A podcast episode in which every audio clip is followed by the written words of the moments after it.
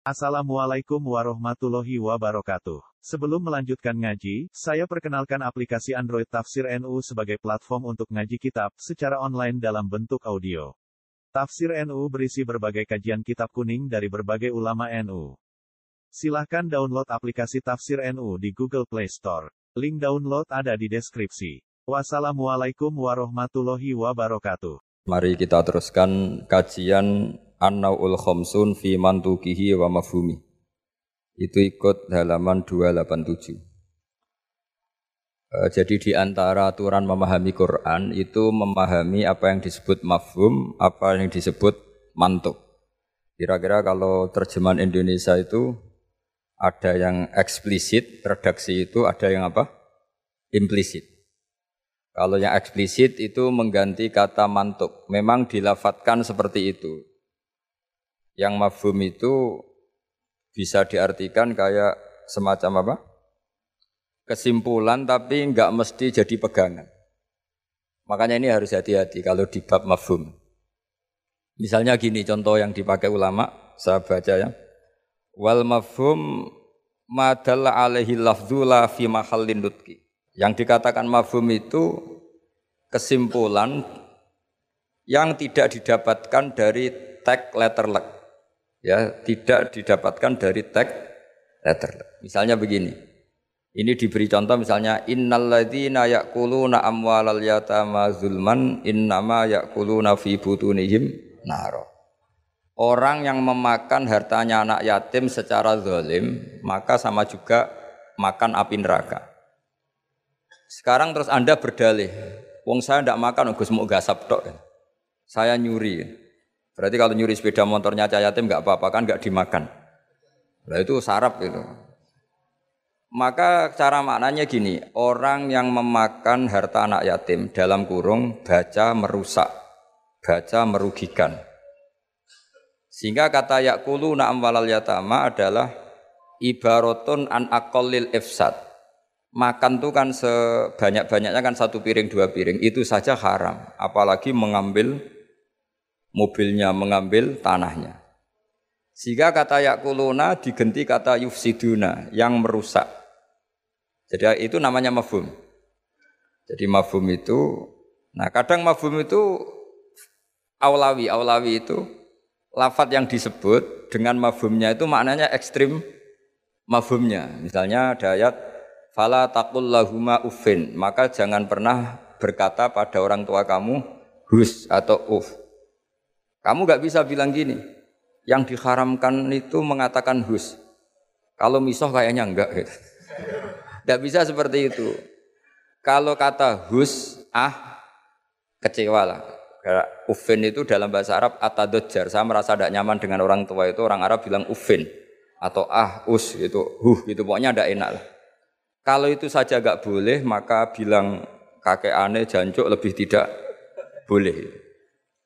Nah, kalau itu tidak boleh karena menyakitkan, ya, misalnya orang tua itu nggak boleh karena menyakitkan. Membiarkan orang tua sampai utang-utang tonggo, sampai pinjem-pinjem itu juga menyakitkan. Jadi kalau menyakitkan misoh itu karena kata-kata, menyakitkan ekonomi itu secara kejiwaan. Sehingga terus mengatakan semua bentuk yang menerantarkan orang tua, maka hukumnya haram. Itu semuanya di mafhum difahami dari kata fala takul lahuma uffin. Begitu seterusnya. Dan itu oleh ulama dibabkan bab mafhum dan mantuk. Ya saya, saya baca ya beberapa teks-teks aslinya. Fa in kana aula yusamma fahwal khitab kadila lati fala takul lahuma uffin ala tahrimid dorbi li annahu asyaddu Wa in kana musawiyan sumyalah nal khitab ay maknahu kadilalati alladzina yaquluna amwalal yatama zulman ala tahrimil ikhraq. Kalau haram makan anak yatim secara zalim haram, maka membakar harta anak yatim juga haram. Li annahu musawin lil akli fil itlaf. Karena sama-sama merusak. Memakan harta anak yatim yang merusak harta itu, mencuri juga sama, membakar juga sama, menggasap juga sama.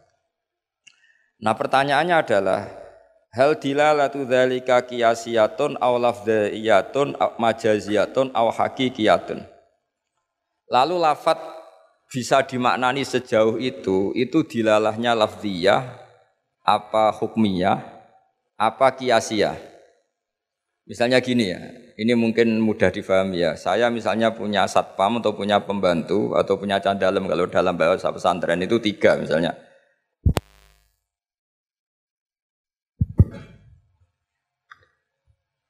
Ya saya misalnya punya pembantu ya atau dalam bahasa santri itu candalem itu ada tiga. Zaid Bakar Umar itu. Ketika ada tamu, Pak On datang, beliau datang, saya bilang, Bakar silahkan sini. Umar itu dengar, tapi wong yang dipanggil tidak saya kok, yang dipanggil Bakar. Ali ya dengar, tapi katanya yang dipanggil bukan saya. Tentu saya manggil Bakar itu karena spontan saya ingatnya itu bakar sehingga manggil bakar. Tapi hakikat bakar adalah pengganti kata candalem. Sehingga kalau yang datang Umar ya saya nggak masalah, yang datang Ali ya nggak masalah. Karena butuh saya ada orang yang melayani tan. Sehingga lafat yang disebut pun tidak jaminan hadal lafdu ini. Ini memang agak jelimet, tapi mau tidak mau kita harus pelajari. Sehingga dalam kitab-kitab ulumul Quran diterangkan wiridan-wiridan atau perintah yang diberikan Nabi kepada sahabat meskipun disebut namanya tetap itu untuk umum. Jadi misalnya Nabi berkata sama Mu'ad karena kebetulan Mu'ad yang di depannya misalnya ya Mu'ad ini uhibbuka fakul dubura kulli solatin Allahumma inni ala zikrika wa syukrika wa husni ibadati. Kita tahu semua hadis menyebut ya Mu'ad wahai Mu'ad Kata Mu'ad ini mewakili semua umatnya Nabi harus terdidik kayak Mu'ad. Meskipun yang disebut Nabi Mu'ad. Nah ketika kita baca wiridan itu karena kita mengkiaskan diri sama Mu'ad. Menganalogikan diri dengan Mu'ad sama-sama santrinya kanjeng Nabi. Atau cara berpikir Nabi itu ingin mendidik semua umatnya. Berhubung yang di depan Mu'ad maka Nabi menyebut mu'at. Tapi bukan hakikatnya itu khusus untuk mu'at. Itu namanya mafhum. Jadi mafhum itu satu makna yang difahami meskipun itu tidak dilafatkan, tidak diucapkan. Ya begitu seterusnya. Ya saya saya teruskan supaya nanti makna Quran itu lebih itu. Ada ayat lagi inja akum fasikum binabain fatabayanu. Terus fadhkur intal mas'aril haram. Di sini ada kata lagi fajliduhum sama ninal jaldah. Jadi begitu juga menyangkut adat. Adat itu bilangan. Ketika Al-Quran menyebut satu bilangan, itu apakah mubalaghah? Mubalaghah itu butuh itu diekstrimkan atau punya makna sesuai bilangan itu. Misalnya begini, sampean kalau mangkal sama seseorang itu kalau dalam bahasa Jawa itu Meskipun kamu minta maaf saya seribu kali tidak akan saya maafkan. Ternyata orang itu double sekali ya sudah nanti saya minta maaf seribu satu kali. Tak susui satu. Itu kamu mangkel nggak? Mesti kamu mangkel. Karena kamu menyebut seribu kali itu saking mangkelnya bahwa saya maafkan kamu itu muhal. Meskipun anda minta maaf seribu kali. Tapi orang ini tetap double ya sudah saya tambah seribu satu. Itu tidak bisa seperti itu karena adat bilangan disebut Quran dalam konteks balaghah itu hanya ilmu balaghah, mengekstrimkan satu kasus atau satu peristiwa. Itu di semua bahasa dunia kalau kamu mangkal sama istri atau mangkal sama teman atau mangkal sama tetangga. Mbok Rene nganti bungkuk, nganti sujud misalnya, tidak akan saya maafkan. Terus kamu bilang gini ya, saya akan sowan kamu sambil melata, sambil merangkak. Itu tetap saja. Jadi ini namanya mafhum. Mafhum itu kalimat yang enggak disebut tapi maknanya pasti seperti itu. Jadi maknanya hanya gini dok. Bok kamu minta maaf saya seribu kali tidak akan saya maafkan. Maknanya hanya satu. Betapa bencinya orang itu pada itu. Itu aja maknanya betapa bencinya. Nah, di sini juga ada kalimat misalnya ada beberapa kelompok sing Allah itu ngendikan la yukallimuhum wa la yang zuru ilaihim. Allah melihat saja gak mau. Ngendikan saja gak mau. Pertanyaannya adalah secara hakikat semua makhluk Allah dilihat Allah enggak? Dilihat. Tapi ada ayat wala yang zuru ilaihim. Makhluk-makhluk seperti ini tidak dilihat Allah. Nah, makna tidak dilihat adalah tidak dipedulikan. Hakikatnya Allah tetap meli Jadi ayat itu hanya menunjukkan betapa bencinya Allah sama kelompok itu sampai diistilahkan Allah tidak berkenan melihat. Jadi gak usah dimafhum gini. Oh beneran Allah gak delok aku maksiat rakonangan wah yo kasus kalau seperti itu. Nah, ini memang itu itu balaghah. Jadi ilmu-ilmu yang harus dianalisis secara balaghah. Jadi ada kelompok-kelompok yang menjual belikan agama atau melakukan kejahatan atas nama agama yasaru nabi ahdillahi wa imanihim samanang qalila. Itu orang-orang ini akan dihukum kata Allah hukumannya adalah la yukallimuhum Allah tidak berkenan ngendikan juga tidak berkenan meli melihat. Monggo Pak nak badhe wonten acara. Ini beliau mau nemuin tamu dari kedokteran. Saya teruskan ya. Jadi para audien, para hadirin yang saya hormati. Makanya kita sekarang kan punya jargon kembali Quran dan Sunnah. Tapi tetap saja aturannya memahami Quran dengan cara-cara yang dipahami para ulama dulu. Yang ulama itu punya sanad sampai sahabat, tentu sampai Rasulullah Shallallahu Alaihi Wasallam. Di antara bahasa Arab itu ada mubalaghah. Mubalaghah itu mengekstrimkan satu peristiwa. Dan pilihannya kadang pakai bahasa tadi. Saya beri contoh tadi yang orang Jawa bilang, Mbok kue rene ping sewu tetap rata sepuro. Kamu tidak bisa ngarang buku. Kalau sewu tidak cukup. Kalau seribu satu pasti cukup. Memangnya ini KPU kalau 50 plus satu terus menang tidak? Tidak bisa seperti itu. Ya maknanya hanya ma asyadda buhdohu. Betapa bencinya orang itu gitu aja. Allah tidak berkenan melihat orang yang menjual belikan agama. Wah malah penak Allah kalau nggak lihat kita enak. Tidak bisa seperti itu. Saking bencinya Allah sampai diistilahkan tidak berkenan melihat. Itu kan seperti kamu benci orang. Wah naruh kue mutah-mutah. Masa mutah-mutah betul kan? Saking nggak maunya meli melihat. Itu di bahasa Arab juga juga seperti itu. Ya, Sabri terus Waktu lifa fil ikhtijat bihadihil mafahim ala akwalin kathirah. Wal fil jumlah annaha kullaha hujjatun bisyurutin. Minha alla yakun al mazkuru kharaja lil ghalib. Kemudian mafhum itu apakah bisa jadi argumentasi hukum? Jawabannya iya. Asal lafat yang disebut yang yang eksplisit tadi disebut bukan karena. Ghalib itu gampangnya omong lah. Ghalib itu umum. Misalnya begini, saya beri contoh yang ekstrim. Jong nak wong melarat sini hormati. Misalnya saya seorang kiai atau seorang dosen, e, kalau ada tamu miskin hormati. Setelah itu ternyata tamunya orang kaya, terus pembantu saya seenaknya tidak hormati. Alasannya yang harus dihormati itu yang miskin, kalau yang kaya tidak perlu. Ini tentu pembantu yang buruk. Karena mengatakan jika yang miskin hormati itu sebenarnya maknanya itu prioritas, bukan bukan catatan hukum. Jadi kalimat disebut itu kan kadang catatan hukum, kadang prioritas. Kalau tadi ya maknanya hanya jika orang miskin prioritaskan, bukan berarti yang kaya tidak perlu dihormati.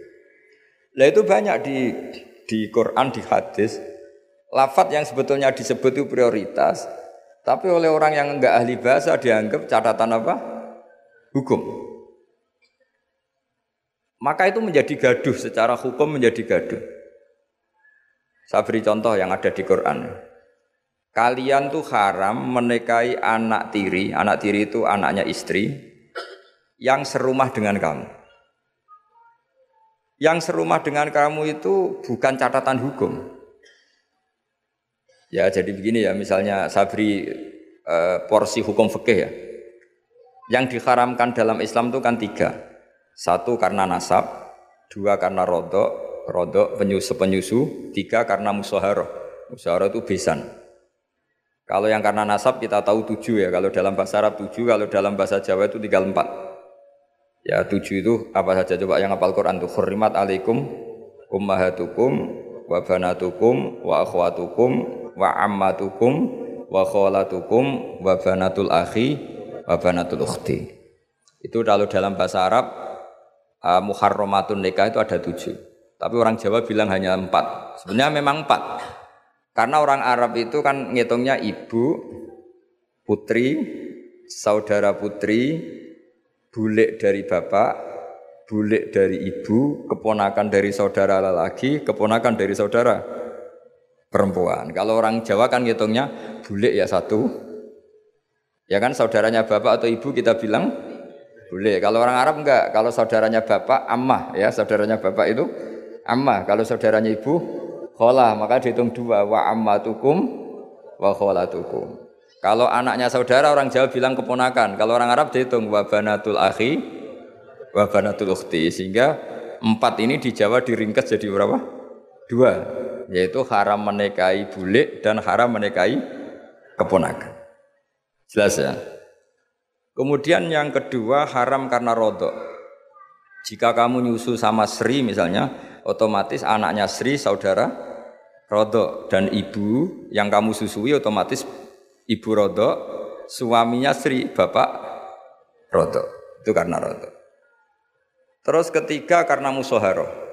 Ya ini didengerin supaya jadi ahli hukum. Jadi masa Universitas Islam Indonesia tidak tahu muharramatun nikah.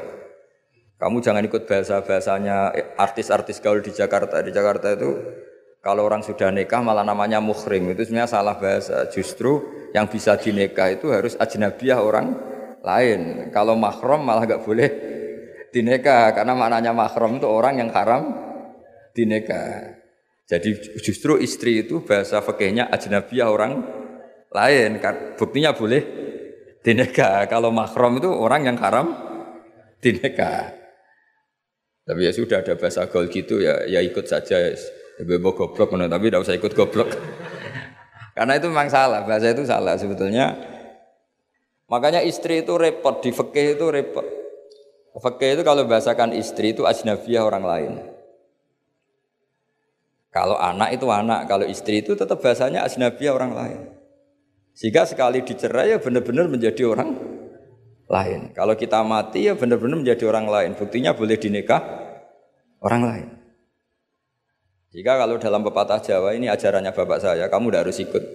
Kalau ajaran bapak saya, nak bojo be anak tukaran, gue kudu bela anak. Mereka rawon mantan anak, tapi sono mantan istri.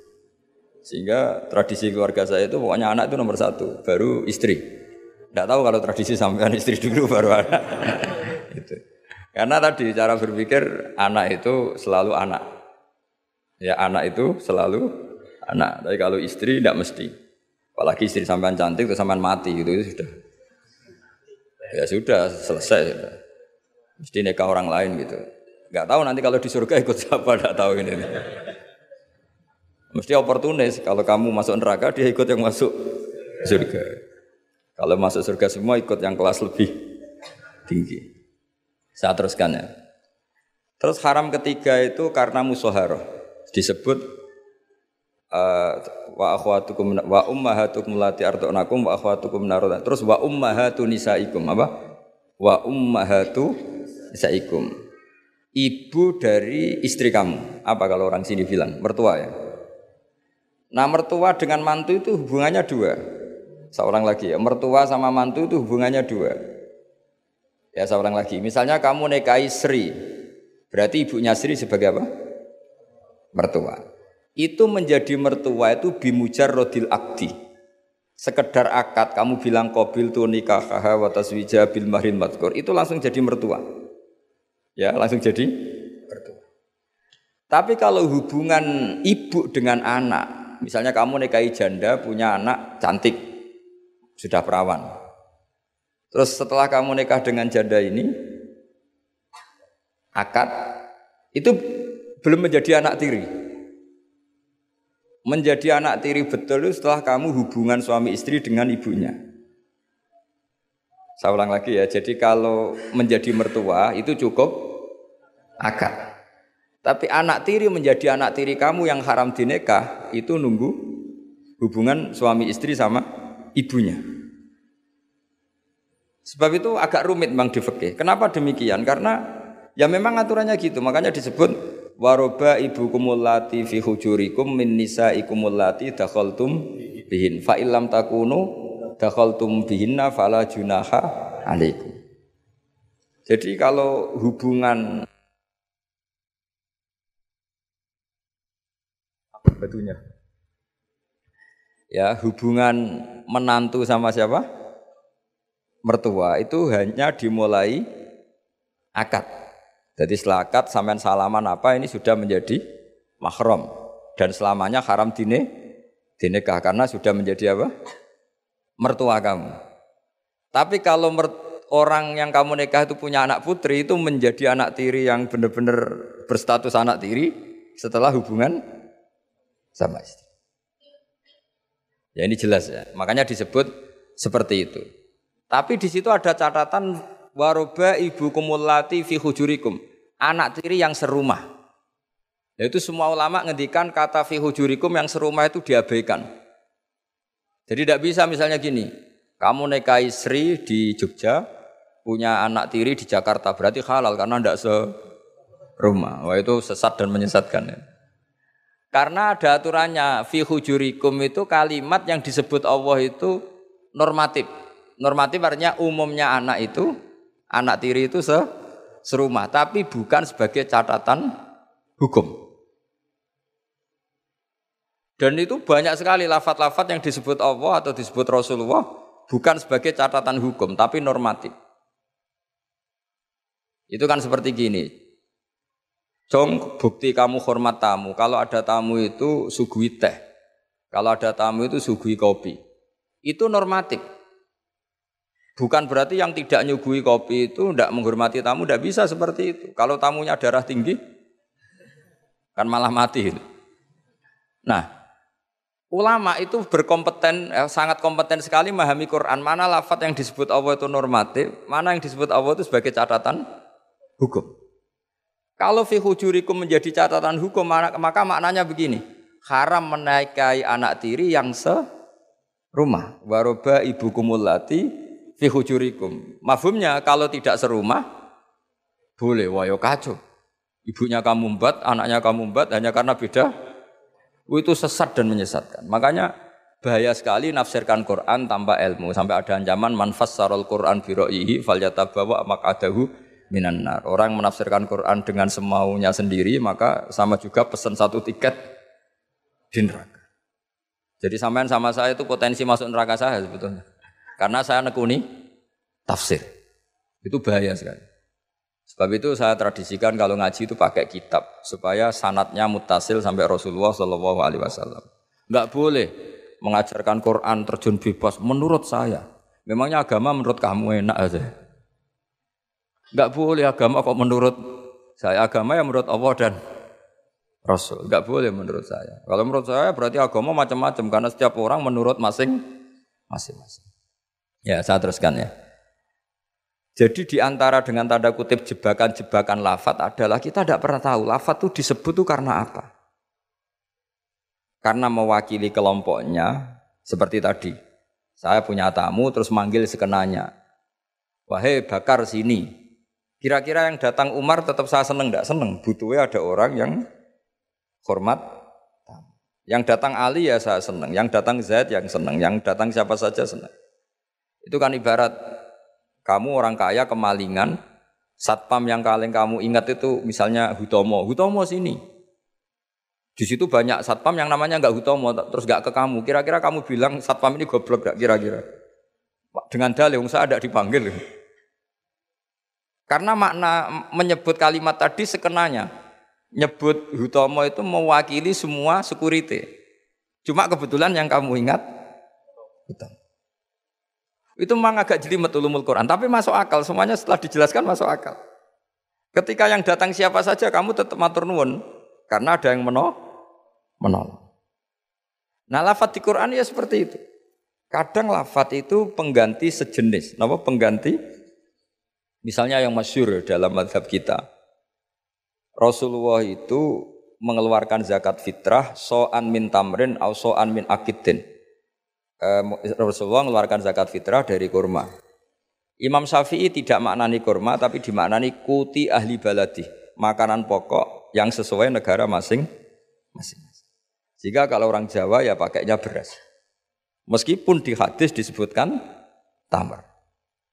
Sama seperti Nabi ngendikan gini, tasoddaku walau bisik rotin, sedekahlah meskipun dengan separuh kurma. Kira-kira orang miskin Indonesia kamu kasih separuh kurma itu dianggap ngenyak apa enggak? Ya maksudnya separuh kurma itu kalau kita ya mungkin setengah kilo atau telur setengah kilo.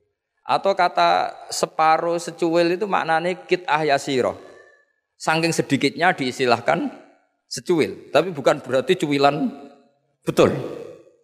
Nah kalau ingin persis hadis tadi ya satu korma kamu cuil terus kamu kasihkan.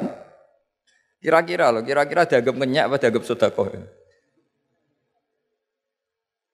Nah sama misalnya Rasulullah ngendikan, semoga Allah memberi berkah orang yang ketika 10 Muharram mengusap anak yatim. Itu yang penting usapnya apa sodakohnya? Terus kamu orang yatim kamu kumpulkan, kamu usap semua kepalanya. itu kira-kira itu dianggap apa coba? Wes medit di dalil. Nak nuruti teks hadis itu ya memang ngusap kepala. Tapi semua sepakat maknanya ngusap itu ibaratun anis syafakoh bentuk kasih sayang. Dan kasih sayang itu paling praktis ya ngasih uang atau ngasih sesuatu yang manfaat untuk anak yatim itu. Dan anak ngusap tok. Selok waduh-waduh dibeli orang parade ngusap anak yatim. Nah itu ya termasuk di ulumul Quran diikutkan bab mafhum dan mantuk. Jadi memang susah. Jadi ahli Quran itu susah. Oh ini Ya jadi menjadi ahli Quran itu harus ya harus seperti ini memang. Makanya sampai ditulis kitab setebel ini ini dipakai di seluruh dunia termasuk di Al Azhar di Palestina di mana-mana. Itu ini kita ngaji baru berapa pertemuan aja sampai sudah pusing. Kalau sampai selesai malah tambah pusing. Tapi bagus, barokahnya pusing itu tidak gegabah. Apa tidak gegabah mikir. Karena kalimat itu mesti ada batas. Makanya ada kaidah di semua ulama, menurut semua ulama, ada kaidah begini. Fasudur ausa'u minal kutub wal ma'ani ausa'u minal ibarat. Dada ini lebih luas ketimbang yang dicatat. Dan makna itu lebih luas ketimbang redaksi. Karena kalau dalam disiplin ilmu usul fikih itu tak beri bocorannya. Begini kalau kalau sampean mendefinisikan kata-kata gimana? Gak umumnya orang kampus. Kata-kata adalah apa kata-kata? Kalau dalam ilmu usul fikih begini, kata-kata adalah pilihan untuk mengekspresikan kehendak hati.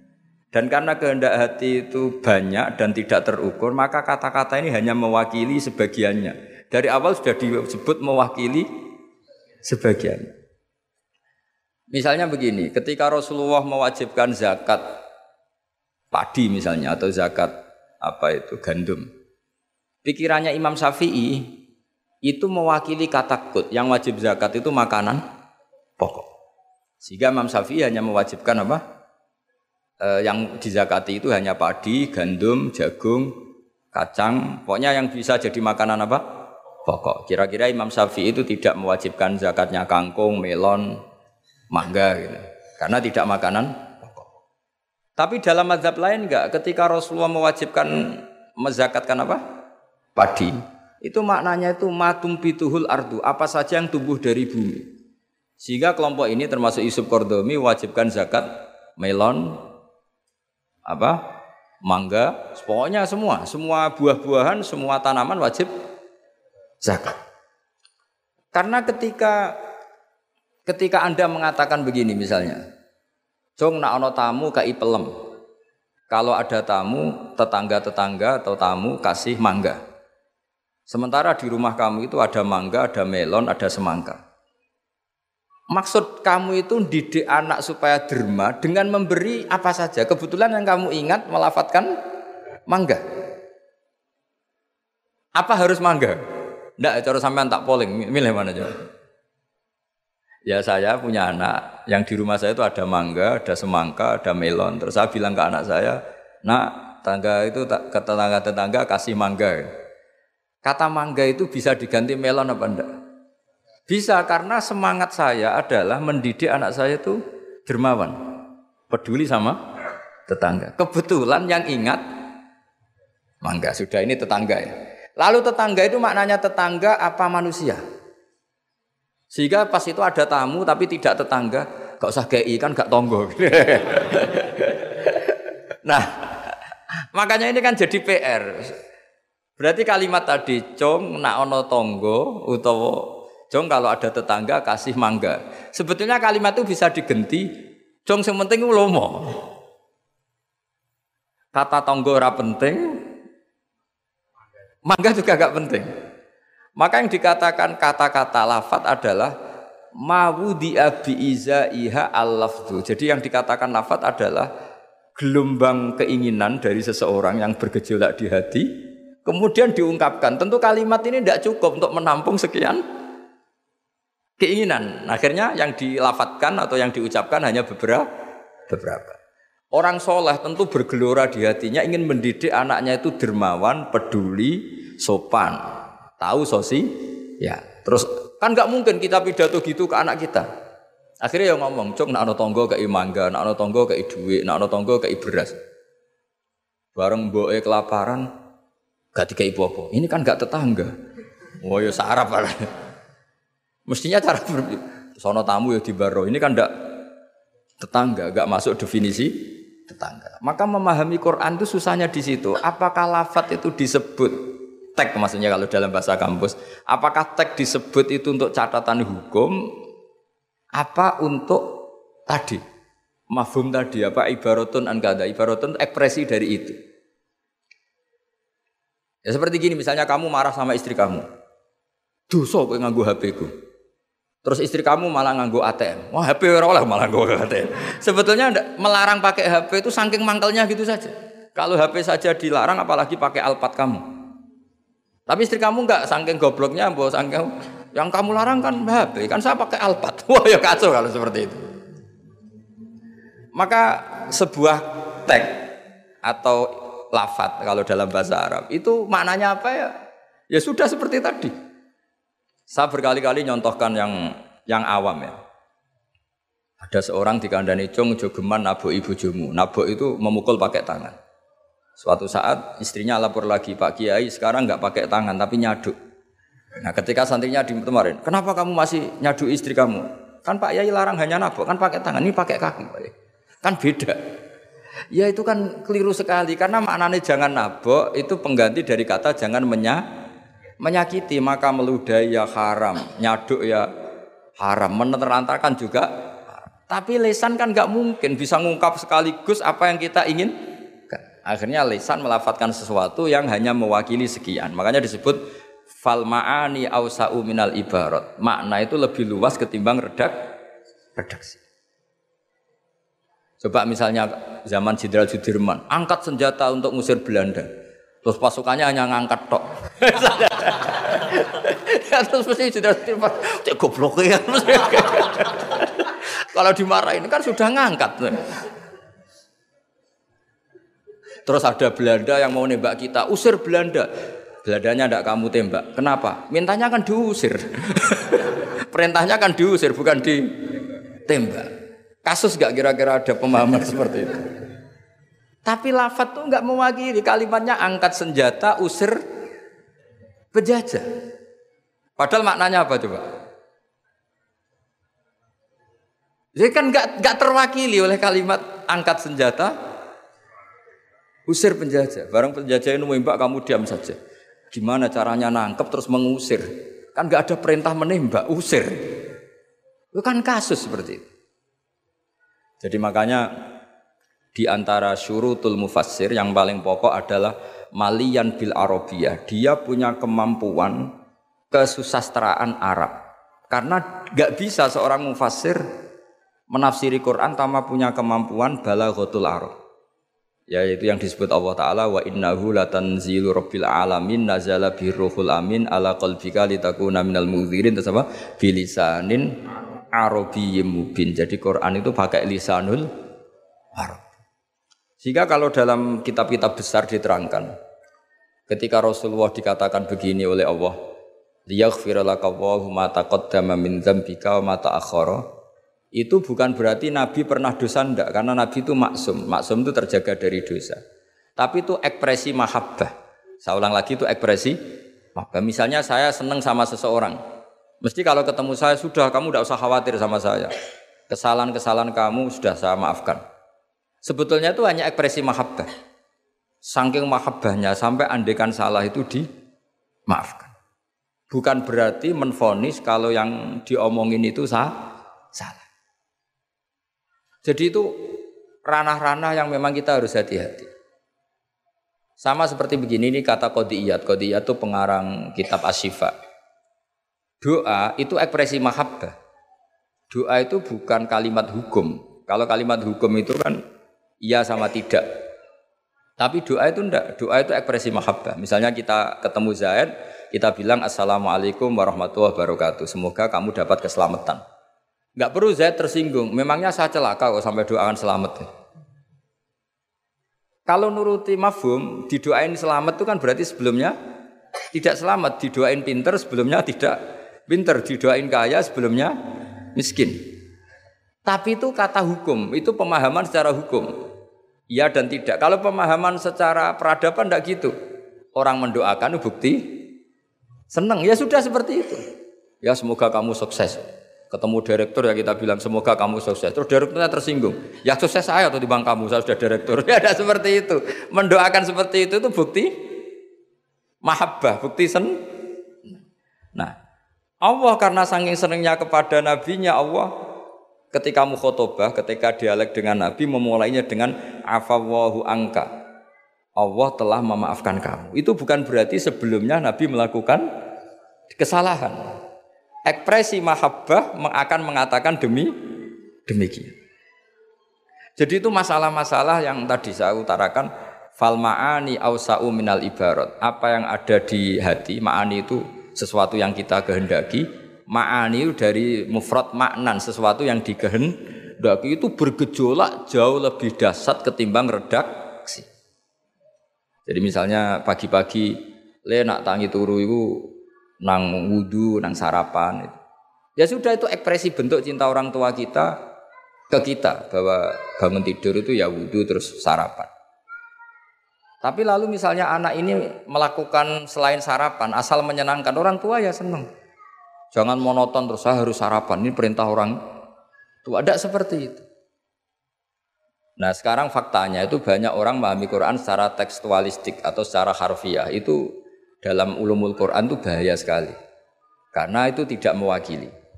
Saya beri sekian contoh bahwa teks itu kadang tidak mewakili. Misalnya gini. Masalul ladzina yunfikuna amwalahum fi sabilillah kamathali habbatin ambatat sab'a sanabila fi kulli sumbulatim mi'atu habbah. Kan tidak semua padi itu punya sab'a sanabil, punya tujuh tangkai. Ya, dan tidak semuanya satu tangkai berbiji seratus. Itu bahasa Arab murni. Ibaratnya seperti itu ya redaksinya Pak ibaratnya seperti itu bahwa sodako yang diterima Allah ibarat padi yang tumbuh dalam kondisi paling ide ideal. Dan orang Arab maupun orang Jawa atau orang mana saja biasanya mengekspresikan ideal itu pakai angka. Misalnya, wah itu suge dua sak gunung. Itu maknanya kaya sekali. Padahal banyak orang punya gunung tidak kaya. Karena gunungnya tandus. Tapi orang itu akan sepakat, itu kaya sekali, punya harta satu gunung. Coro cah cilik anak bantah-bantah dunyaku sak gunung, tidak muni sak langit. ya pokoknya ingin menunjukkan bahwa kaya raya yang tidak tidak terhing terhingga. Lo itu banyak di Quran seperti itu. Maka saya beri definisi ya supaya sampai ahli usul fikih.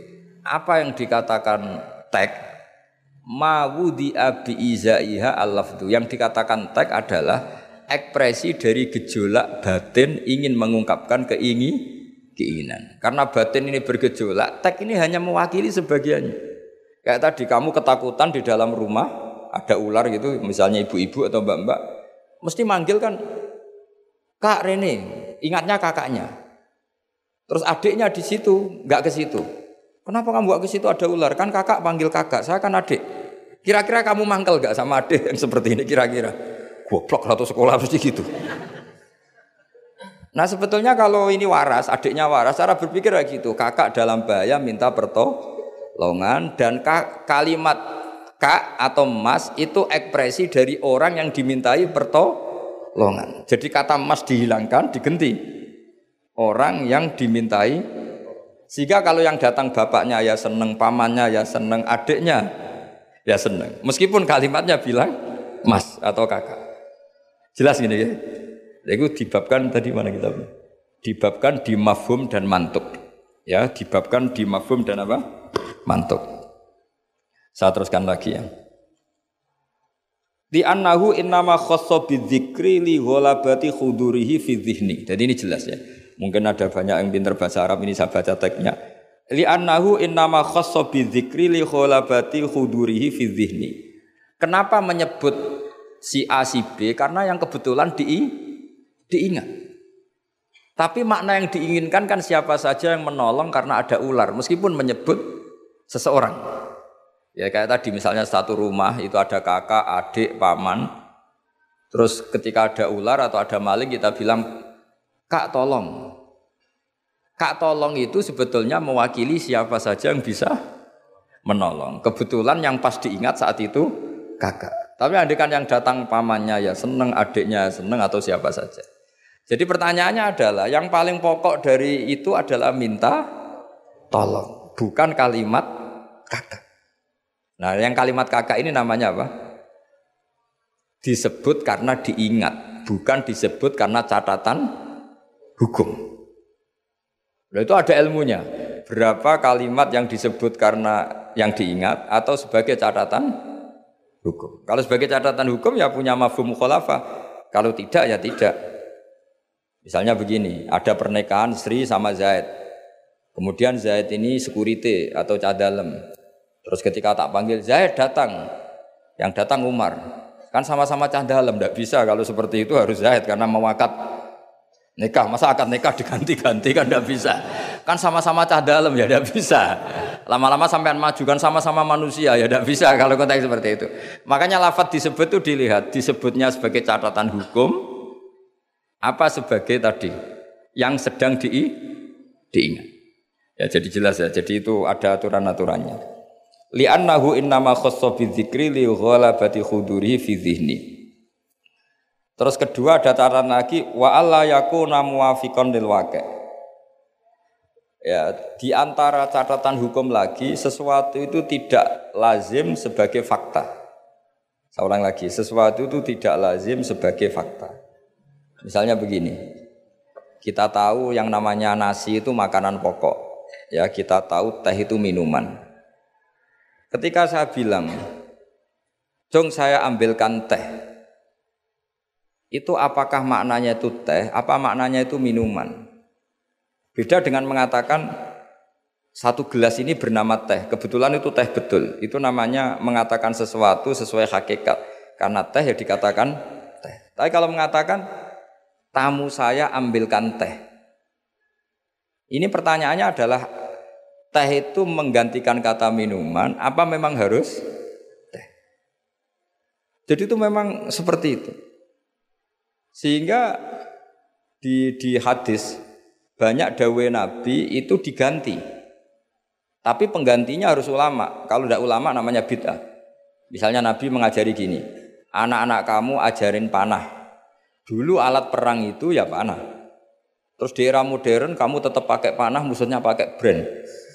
Kan Nabi dawuhnya panah. Ya taqabbala wa minna minkum taqabbala. Jadi seperti ya tadi seperti karena Nabi ketika mengatakan panah adalah ibaratun an alatil harbi. Implementasi dari alat perang yang zaman itu panah. Itu kan sama seperti Nabi ajari anak kamu berkuda dulu alat perang transportasinya itu alatnya itu kuda. Sekarang musuh pakai pesawat tempur, kamu pakai dan Ya tentu itu gak relevan kan. Nah kalau gitu berarti gini. Di Quran tuh jelas ada kalimat ini. Wal khayla wal bighala wal hamira litarkabuha wazina. E, kamu saya beri nikmat ada kuda, ada unta, ada macam-macam. Terus di antara ayat terusannya litas tahu ala duhurihi summa tazkuru ni'mata rabbikum idas tawaitum alaihi wa taqulu Subhanalladzi sakhkhara lana hadza wa ma kunna lahu mukrinin wa inna ila rabbina lamunqalibun. Saya bikin unta, saya bikin kuda, saya bikin khimar, saya bikin bigol supaya kalau kamu sudah tenang di atas punggungnya, kamu berdoa subhanalladzi sakhkhara lana hadza. Terus kamu karena tekstualistik, kalau naik Innova nggak baca doa itu, naik pesawat, ini kan tidak kuda. Kira-kira dibilang saraf enggak kira-kira seperti itu. Terus kamu bilang, oh ayatnya tentang kuda ini Innova kok. Tapi cara memahami kita tidak seperti itu. Kata kuda di situ adalah alatul markab, alat berkendara. Kata unta di situ adalah alat berkendara. Maka semua transportasi atau alat transportasi kita kalau naik ya tetap berdoa subhanalladzi sakhkhara lana Dan itu seterusnya ya. Jadi e, ngaji pertemuan ini ingat-ingat ya kaidahnya apa? Fal ma'ani ausa'u minal ibarat wasudur ausa'u minal kutub. Itu semua, semua ulama pasti bilang seperti itu. Kalau sampean belum pernah bilang berarti belum ulama. Makanya ini dimulai sekarang. Untuk saja di ulama harus hafal kaidah apa? Fal ma'ani ausa'u minal ibarat wasudur ausa'u minal kutub. Itu nanti kalau sampean sudah pinter itu, itu pinter betul itu nanti. Bukan pinter-pinteran tapi pinter pinter betul. Karena memang seperti itu. Sehingga misalnya Rasulullah dulu, tofa Rasulullah rokiban, Nabi tawaf secara berkendara. Saat itu tentu naik unta. Sekarang orang-orang sepuh pakai kursi roda. Jangan terus bilang gini, dulu Nabi naiknya unta, maka orang sepuh nggak boleh pakai kursi roda, harus pakai unta. Yo dia tabuki polisi Arab aneh-aneh Jadi karena dulu Nabi sudah berumur dan beliau tidak suka memaksakan, dan untuk menunjukkan kalau tawaf secara berkendara itu sah, boleh, terus beliau naik unta sambil apa? Tawaf. Akhirnya kesimpulan hukumnya apa? Boleh berkendara saat tawaf. Sudah untanya dibuang. Maksudnya harus pakai untanya dibuang. Lama-lama nanti gini, nggak boleh tawaf sekarang. Dulu Nabi tawaf langsung tanah, ini sudah keramik ini nggak boleh. Ya repot kalau kamu perdebatkan begitu terus ya repot. Lah ya karena tadi ketika Nabi naik unta itu semangatnya Nabi adalah mempermudah umatnya terutama bagi yang tu, tua. Semangat yang ingin dimaklumatkan Nabi itu itu. Wahai umatku kalau kamu sudah tua jangan memaksakan jalan, berkendaralah. Atau cari alat yang menjadikan kamu mudah. Nah itu tentu gak tersampaikan semuanya dengan redaksi. Tapi dadanya Nabi bergejolak ingin mengimplementasikan bahwa agama ini yuridu wa bikumul yusra wala yuridu bikumul usar. Wah itu tentu gejolak ini kan nggak terwakili oleh lafaz. Seperti kamu bilang ke istri kamu, dek saya cinta kamu karena kamu cantik. Itu bukti seneng saja. Nak bojone cerdas, berarti aku nak selek kira seneng. Wah ya repot kalau gitu. Padahal kalimat itu maknanya kan gitu. Dek saya seneng kamu karena kamu cantik. Mafhumnya apa? Kalau tidak cantik, kalau sudah tidak cantik tidak seneng. Tapi tidak seperti itu. Pokoknya kamu itu ingin gombal terus ngomong itu aja. Jadi makanya walhasil itu tadi inget-inget ya Pak. Fasudur ausa'u minal kutub. Bahwa dada kita ini lebih luas ketimbang yang kita tulis. Ya, dada kita lebih luas ketimbang yang kita yang kita tulis. Terus wal ma'ani ausa'u minal ibarat. Makna yang kita kehendaki itu jauh lebih luas ketimbang redaksi. Karena tadi kita manggil security misalnya si A, yang datang selain si A juga nggak masalah. Karena kata si A tadi hanya keterbatasan kita sebagai manu, manusia sehingga harus menyebut satu orang. Padahal siapa saja gak gak masalah. Karena butuhnya kita ada yang menolong atau ada yang memban membantu. Ya saya lagi ya, apa? Fal ma'ani ausa'u minal ibarat wasudur ausa'u minal kutub. Ya, Assalamualaikum warahmatullahi wabarakatuh.